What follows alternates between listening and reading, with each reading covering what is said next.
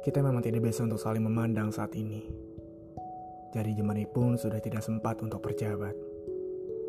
Tapi terkadang lidah ini malu untuk berucap, karena tubuh ini yang pernah salah dalam bersikap.